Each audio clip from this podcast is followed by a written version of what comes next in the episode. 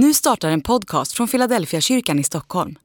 Om du vill komma i kontakt med oss, skriv gärna ett mejl till hejfiladelfiakyrkan.se.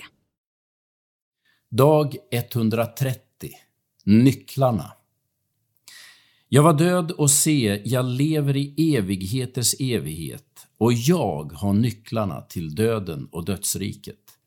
Uppenbarelseboken kapitel 1 och vers 18. Nu för tiden är en öluff bland de grekiska öarna en riktig höjdare. Min äldste son gjorde sig en två veckors semester på Cypern tillsammans med några vänner i år. För oss är de grekiska öarna förknippade med avkoppling, sol, bad och semester. För Johannes, han som skrev Uppenbarelseboken, var ön Patmos ett fängelse. Vi vet att han var dömd för majestätsbrott, vilket betydde att han hade utmanat kejsaren.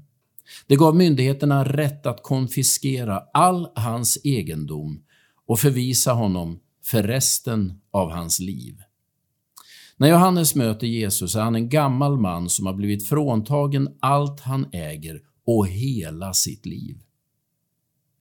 Rent bokstavligt har någon annan nycklarna till hans liv. Allt han gjorde bestämdes av andra. Han var fånge för resten av sitt liv. För Johannes måste mötet med Jesus ha varit omskakande. Det första Jesus säger är att det är han som har nycklarna till döden och dödsriket.